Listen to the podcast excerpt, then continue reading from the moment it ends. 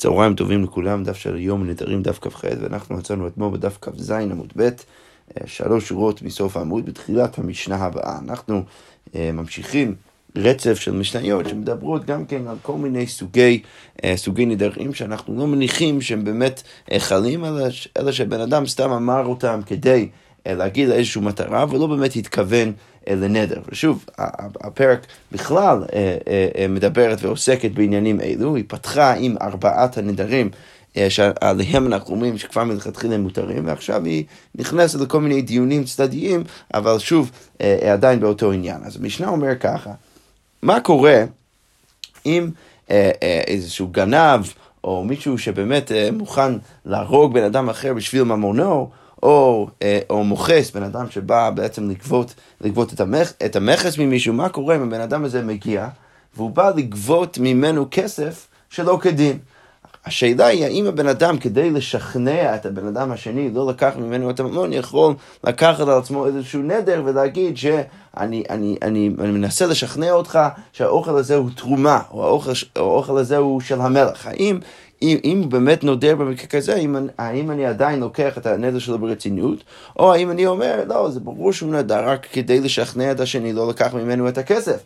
אבל זה ברור שהוא לא באמת מתכוון לזה, ולכן אה, אני לא צריך בעצם להתיר לו את הנדר. אז המשנה אומר ככה, נודרין להרגין ולחרמים ולמוכסים. אפשר לנדור. לבן אדם, להרגין בן אדם שמוכן להרוג בן אדם אחר בשביל ממונו, או לחרמין, שזה סתם סוג אחר של גנבים, או למוכסין, לבן אדם שמגיע כדי לגבות מכס, שהיא תרומה, אף על פי שאינה תרומה. שהן של בית המלך, אף על פי שאינן של בית המלך, אתה יכול בעצם לנסות לשכנע אותו, את הגנב, שהדבר הזה הוא תרומה, או לנסות לשכנע את המוכר שהדבר הזה הוא של בית המלך, למרות שזה לא באמת ככה. עכשיו, המשנה קובעת שאפילו אם אתה נודר, אז אה, עדיין אני יודע, בגלל שאני יודע מההקשר שלא באמת התכוונתי לזה, אז זה מותר מלכתחילה ואתה לא צריך באמת לחשוש לנדר. עכשיו, אני רק אגיד איזו הערה מעניינת, שפה יש פה איזושהי הנחה מאוד מעניינת של המשנה, שיש בני אדם שמוכנים אפילו להרוג בן אדם אחר בשביל ממונו, אבל ברגע שהוא מנסה לשכנע אותו שזה תרומה, אז כבר הוא לא ייגע בזה. אז, אז איזושהי הבחנה בין ממונות ואיסורים, שמצד אחד הוא מוכן כן לגנוב מבן אדם אחר את הממון שלו, מצד שני הוא לא מוכן לעבור על איסור של תרומה, אם לא כהן, ולכן הוא לא ייקח את זה. עכשיו זה, זה סתם הקשר מעניין של המשנה, אבל איך שזה לא יהיה, המשנה בעצם אה, אמרה את האמירה שלו, אה, ועכשיו אנחנו בעצם נראה רצף של מחלוקות בין בית שמאי ובית הלל סביב השאלה של מה הגבולות של הדבר הזה, כמה אתה יכול בעצם ללכת עד הסוף ולקחת על עצמך את כל מיני נדרים, וכמה אתה צריך להיות עדיין קצת אה, אה, אה, עם הסתייגות מהדבר הזה, למרות שמדינה הם, הם, הם שניהם מסכימים, בית שמאי ובית הלל, השאלה מה הגבולות של הדבר הזה. אז בית שמאי אומרים, בכל נודרין, בכל הסיטואציות האלו, אתה יכול לקחת על עצמך כל נדר שאתה לא רוצה, חוץ מבשבועה, ואתה לא יכול לנסח את עצמך בניסוח של שבועה, אנחנו ראינו כבר כמה וכמה פעמים, שבחלק מההקשרים השבועה הרבה יותר חמורה מאשר הנדר, ולכן בית שמאי באים ואומרים, אתה יכול לעשות מה שבא לך חוץ משבועה. ובית הלל אומרים, אף בשבועה. אוקיי, בית שמאי אומרים, לא יפתח לו בנדר. בית שמאי באים ואומרים, אתה לא אמור לפתוח עם נדר. אם הוא בא... אה, אה, לגנוב ממך כסף. בהתחלה אתה אמור בעצם לנסות לשכנע אותו לא דרך הנדר, לא לגנוב ממך, ואם זה לא עובד אז אתה יכול לקחת לעצמך את הנדר. ובית הלל אומרים, אף יפתח לו, בית הלל אומרים, לא, גם אה, גם, גם בדין הזה אני חולק עליך בית שמאי, אלא הוא יכול אפילו לפתוח לו בנדר כבר על ההתחלה.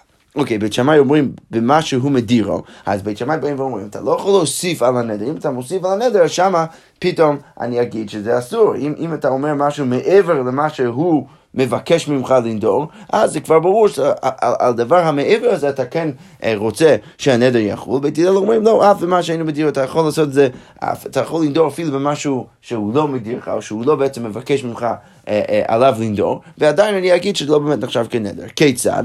אז המשנה אומרת, מה בדיוק הסיטואציה שבו יש מחלוקת בין בית שמאי ובית הלל? אומר לו, אם הגנב או, או, או, או מישהו שמגיע אה, לבית, אה, בא ואומר לבעל הבית, אמור, קונם אשתי נהנית לי. הוא בא ואומר, אם אתה באמת רוצה לשכנע אותי שה, שה, שהאוכל הזה הוא תרומה, אז קח על עצמך את הנדר הבא.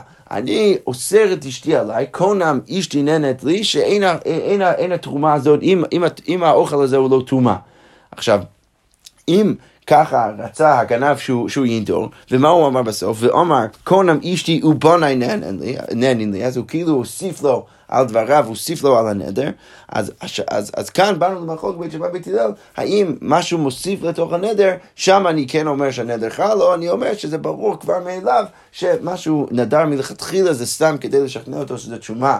אה, אה, וכדי שהוא לא יגנוב ממנו את הכסף, אה, ולכן אני אומר שהנדר לא חל לא על אשתו ולא על בנים שלו.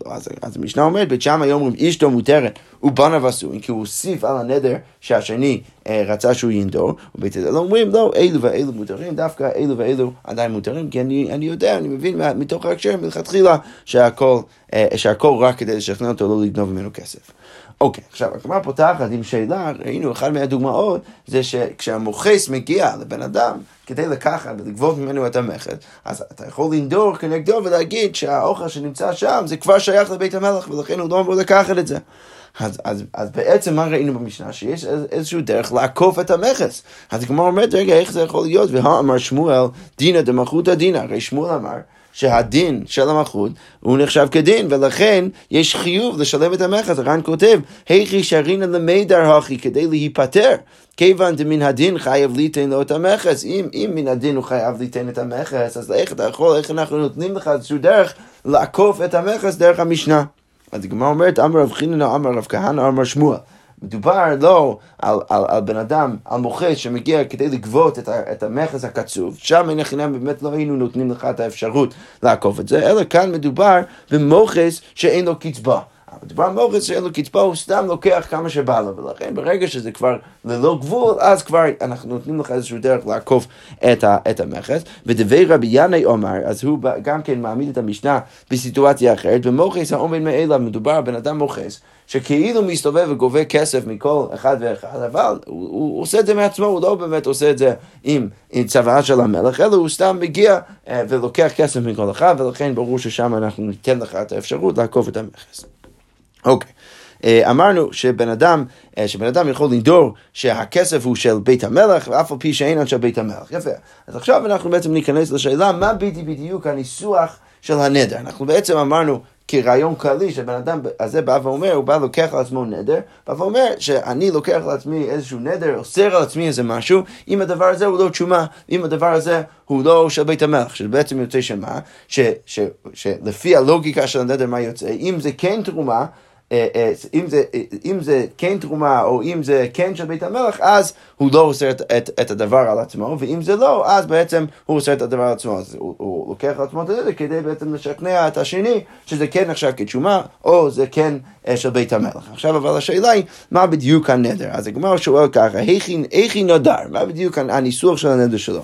אז הגמרא אומרת, אמר רב עמרם אמר רב, ואומר, יאסרו פירות העולם עליי, אם אינן של בית המלך, הוא בא ואומר, אני אוסר את כל הפירות של העולם עליי, אם הם לא של בית המלך. עכשיו, הר"ן כבר מסביר שכבר כאן בשלב הזה של הסוגיה, אנחנו בעצם חידשנו משהו. מה אנחנו חידשנו? שצריך להיות, זה ברור לכולם, שצריך להיות שהוא לא אומר, הרי יאסרו פירות העולם עליי לעולם. אם אינן של בית המלך. זה ברור שהוא לא יכול להגיד, כי אם הוא אומר לעולם, אז הוא בעצם בא ולוקח לעצמו איזושהי איזשהו אמירה מאוד מאוד חדה בנדר שלו, ושם אנחנו כבר לא יכולים להגיד שבגלל ההקשר, אפשר להבין שלא באמת התכוונת לנדור, כי שם הוא בא ואומר שהוא אוסר את פירות העולם.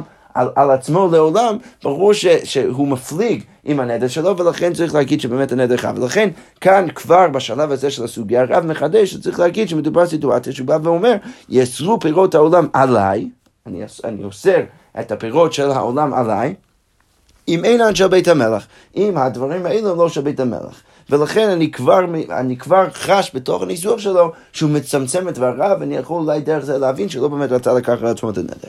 אבל הגמרא עדיין לא, לא, לא מסתפקת עם זה, והיא אומרת ככה, רגע, אבל כיוון דאמר ייסרו, יצרו עלי כל פרי עלמא. לא, אבל ברגע שהוא אומר שהוא רוצה לאסור את כל הפירות של, של העולם על עצמו, אז הם כבר, הם כבר אסורים. זה, זה עדיין ניסוח מאוד מאוד מאוד חד להגיד את הנקודה, ולכן אולי אני באמת צריך להניח שהוא לקח על עצמו את הנדר לגמרי. אז הגמרא הגמרא אומרת לו, בעומר היום, אה, מדובר על סיטואציה שמה הוא אומר? הוא אומר לא רק, לא רק שהוא לא אומר לעולם, אלא הוא גם כן אומר היום. הוא אומר, יאסרו פירות העולם עליי היום, אם אינן של בית המלך. וש, ושם אני כבר יכול להבין שבעצם הוא לא רוצה עד הסוף לנדור, אלא הוא רוצה סתם לנדור כדי לשכנע אותו לא לקחת ממנו את הכסף, אבל ושם אני יכול להגיד שהנדר מותר כבר מלכתחילה. אבל הגמרא אומרת, רגע, אבל אמר היום לא מקבל מיני מוחץ. רגע, אבל אם הוא אומר היום, אז המוחץ לא, לא, לא, לא, הוא, הוא, לא, הוא לא ישתכנע. הרי מה הוא מנסה לעשות? הוא מנסה לשכנע אותו שהדבר הזה הוא, כבר של בית המלך. עכשיו, אם הוא אומר, אה, אני עושה את כל פירות העולם עליי היום, אם זה לא. אז, אז זה לא כזה חמור להגיד שיום אחד הוא, יאס, הוא יאסור על עצמו את כל הפירות של העולם רק כדי, אה, אה, רק כדי לשכנע את המוכס. זה, זה, זה לא כזה big deal. לכן מה? ולכן ברור שהמוכס לא יקבל את הטענה הזאת, והוא גם ככה ייקח ממנו את, את, את, את האוצר, את כל הכסף. אז גם זה לא עובד. אז כמו אומרת, מה אני צריך? אני צריך בעצם סיטואציה שיש לו אמירה מאוד חדה. מצד שני, אני מבין ש, שמה שהוא חושב בלב זה משהו, ש, ש, ש, זה משהו אחר מאיך שהוא ניסח את עצמו בנדר. אז הגמר אומר ככה, מה צריך להגיד? בעומר בליבו היום, אז צריך להגיד שהוא התנסח כמו שרצינו להציע בהתחלה, שהוא בא ואומר, יאסרו פירות העולם עליי אין של בית המלך. מצד שני, הוא אומר בליבו שהוא התכוון רק להיום ולא, ולא ליום אחר. ואז אז הגמרא אומרת, בעומר בליבו היום, הוא מוציא בשפתיו סתם. אז הוא בליבו אומר שהוא עושה את כל פירות העולם על עצמו רק היום, אבל מה שהוא אומר בנדר שלו במפורש זה רק בסתם, הוא לא, הוא לא באמת מצמצם את הנדר שלו אה, בניסוח שלו של הנדר עצמו, אלא הוא סתם חושב את זה בלב. והגמרא אומרת, ואף אגב דסביר לו דברים שבלב אינם דברים, לא שבדרך כלל אנחנו אומרים שדברים שבלב לא נחשבים כדברים, ולכן זה שהוא, זה מאוד יפה. שהוא חושב בלב שלו שהוא מתכוון רק להיום, אבל כל עוד הוא לא ניסח את עצמו ככה, אז זה לא רלוונטי.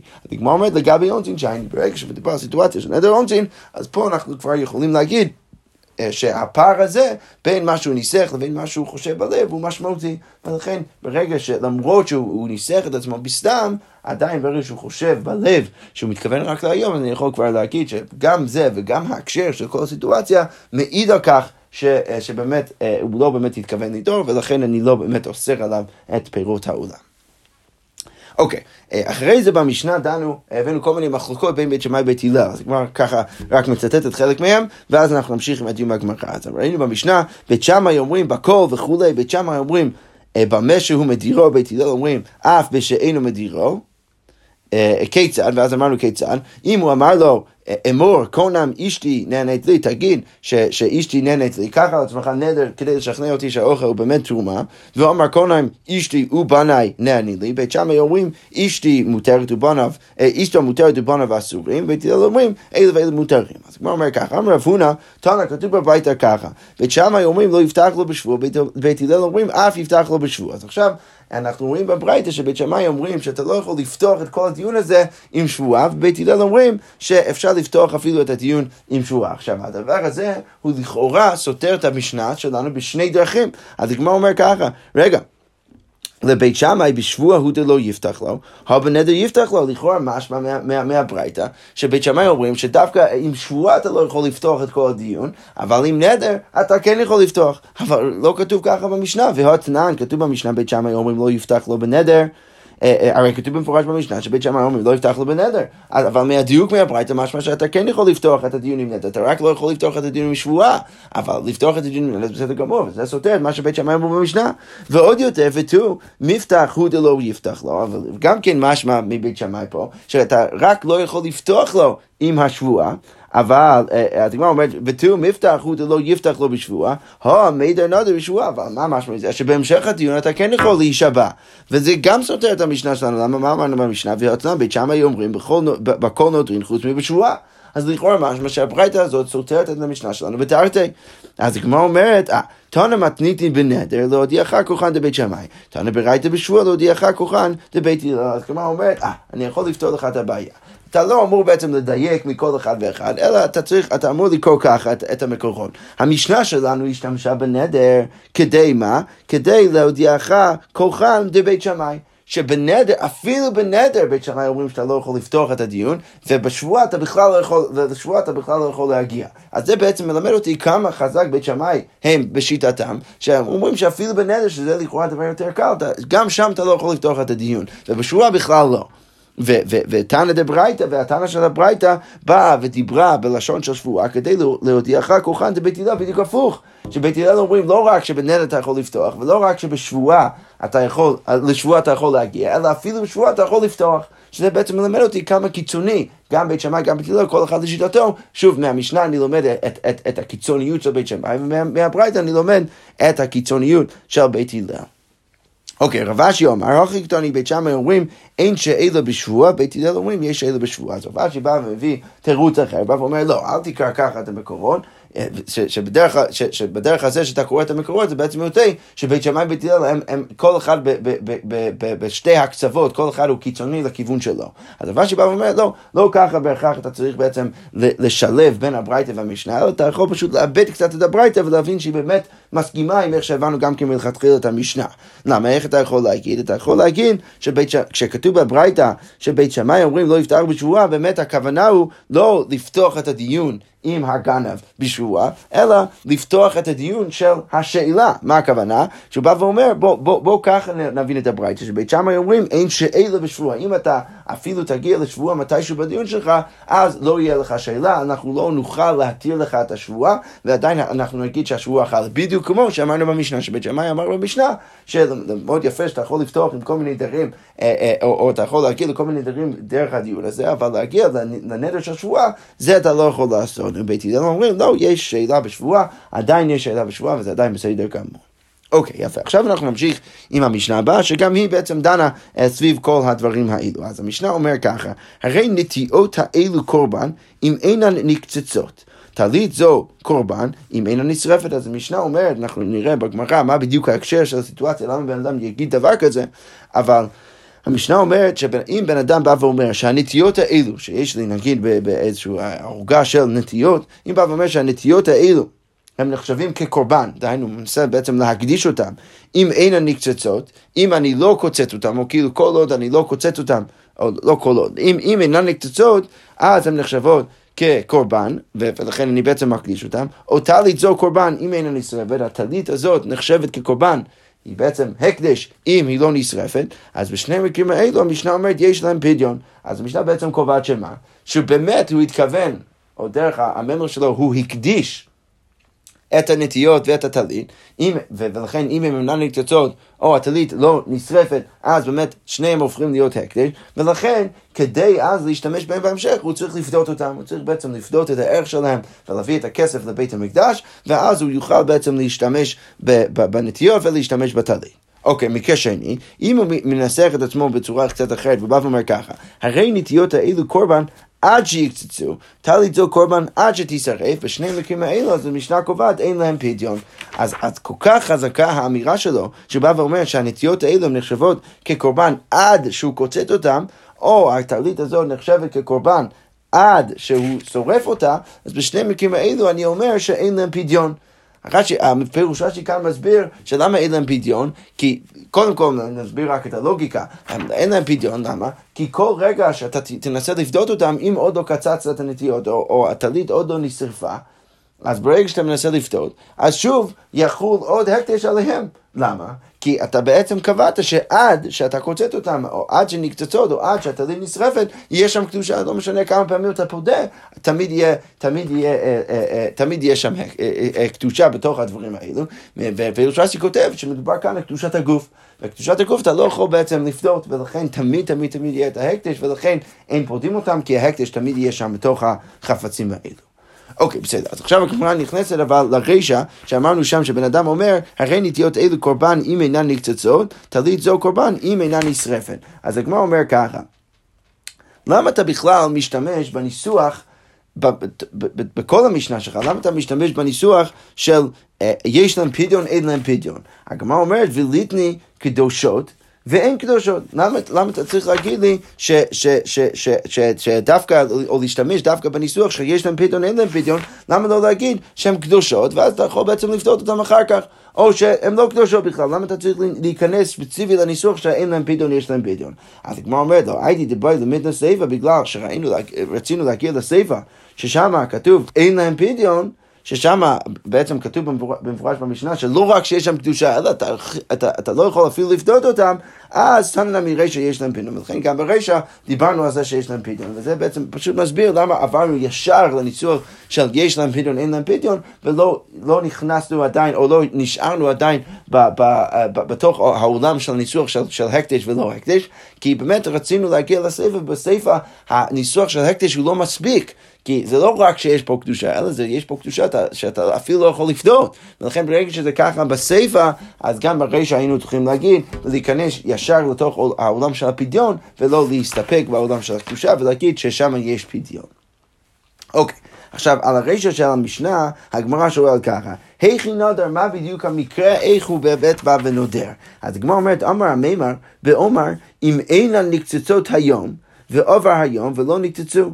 אז הגמרא אומרת, מה בדיוק, מה בדיוק הנדר שלו? שהוא בא ואומר, הרי אלו קורבן, אז הנטיות האלו הם קורבן, אם אינן נקצצות היום, ואז באותו היום הם לא, הם לא נקצצו. עכשיו במקרה כזה מה אנחנו נגיד? שהוא נדר, הוא בא ואמר שהדבר הזה הוא יהיה קורבן אם הוא לא יקצץ היום, וזה לא באמת קרה, הוא לא, הוא לא, הוא לא נקצץ היום, אז באמת לכן אנחנו אומרים שעכשיו יש קדושה וצריך לבדות אותה. אז הגמרא אומרת, רגע, אבל אם ככה אתה רוצה להעמיד את המקרה, אם כן, למה לי למימר? למה אתה צריך בכלל להביא לי מקרה כזה? הרי פשיטה, זה ברור, זה הדבר הכי פשוט בעולם. הוא בא ואמר, הדבר הזה הוא קורבן, הטלית הזאת היא נחשבת כקורבן אם, אם היא לא נשרפת היום. אוקיי, ואז היא לא נשרפה בתוך אותו היום, אז ברור שהיא נחשבת עכשיו כאקטס, למה אתה בכלל צריך ללמד אותי את זה? אז הגמרא אומרת, לא. לא צריכה כגון דאיכא זיקה נפישה. אה, מדובר על יום שיש רוח מאוד חזק. לכן מה? הסיבה שהבן אדם, עכשיו זה נהיה ברור דרך ההקשר שלה, שהסיבה שהוא בא ואמר שהדבר הזה יהיה קורבן אם הוא לא יקצץ היום, זה לא בגלל שהוא חשב שאולי הוא יבוא ויקצץ את זה, אלא הוא ראה שיש פה רוח מאוד חזק, והוא חשש שהרוח בעצם יקצץ לו את הנטיות, ולכן הוא בא ואמר, הדבר הזה יהיה קורבן אם, זה, אם לא יקצץ היום. כי הוא כאילו, זה סוג של תפילה, הוא כאילו מתפלל לקדוש ברוך הוא, אני רוצה שהרוח הזה לא יקצץ את כל הנטיות שלי. עכשיו, לכן מה הייתי חושב? אז הייתי אולי מעלה אב אמינא להגיד שהוא לא באמת התכוון לנדר, זה כמו נדר אונצין, לא באמת התכוון לזה, הוא סתם רצה ש, ש, ש, שהרוח לא ייקח לו את הנטיות, ולכן הוא אמר איזו אמירה דרסטית, ובא ואמר שהדבר הזה יהיה קורבן אם לא יקצץ היום. ולכן כמה שמלם במשנה שאנחנו לא הולכים לפי ההווה מן הסוף, אנחנו בעצם אומרים ש... אה, אה, שמה שהוא נדר הוא באמת רציני, ולכן הדבר הזה עכשיו נחשב כהקדש אם הוא לא נקצץ היום, ולכן הוא צריך עכשיו לפדות את זה אם הוא ירצה להשתמש בנטיות. כמו אומרת, זה מאוד יפה שאתה אומר את זה לגבי, ה, לגבי נטיות. אבל מה אתה תגיד לגבי הסיפא? הגמרא אומרת, והוקתוני לגבי טלית, הרי אנחנו הבאנו את המקרה הזה יחד עם מקרה מקביל של הטלית. וטלית, לשריפה קיימה, מה אתה רוצה להגיד לי ש, שאתה יכול בעצם להעמיד את זה באיזשהו מקרה, שיש פה איזושהי שריפה והטלית עומדת לשריפה, כמו שאתה ניסית להעמיד את המקרה לגבי נטיות? הגמרא אומרת, אין, כן, באמת, אפשר להעמיד ככה את המקרה. כגון דאיקא דלק אפשר להגיד ש, שבמקרה של הנטיות מדובר על סיטואציה שיש רוח, במקרה של הטלית מדובר על סיטואציה שיש שם אש. ולכן בשני מקרים הבן אדם בעצם בא והוא לוקח לעצמו איזשהו נדר כי הוא חושש שמשהו יקרה, הוא חושש שהטלית תישרף, הוא חושש שהנטיות, אה, שהרוח ייקח את הנטיות שלו, ולכן בשני מקרים האלו לוקח לעצמו איזשהו נדר, בא ואומר הדבר הזה יהיה קורבן אם הוא לא יקצץ היום, אם, לא, אם היא לא תישרף היום, והייתי מלא שוב אב אמינא שמה, כפי שאנחנו נראה עוד שניה בגמרא, שהוא לא באמת מתכוון לזה ברצינות, ולכן אולי הנדר לא חל. אז הגמרא אומרת, אה, אה, אה, סליחה, אז הגמרא אומרת אם כגון דאיכא דלגה, הכנמי דאיכא זיקה נפישה. אז כמו שיש אש במקרה של הטליס, כמו כן יש רוח חזק במקרה של, הנטיות. ומה הייתי חושב? וסקא דייתך דמייסיקא דייתי דלא מתנצלן. דלא מתנצלן.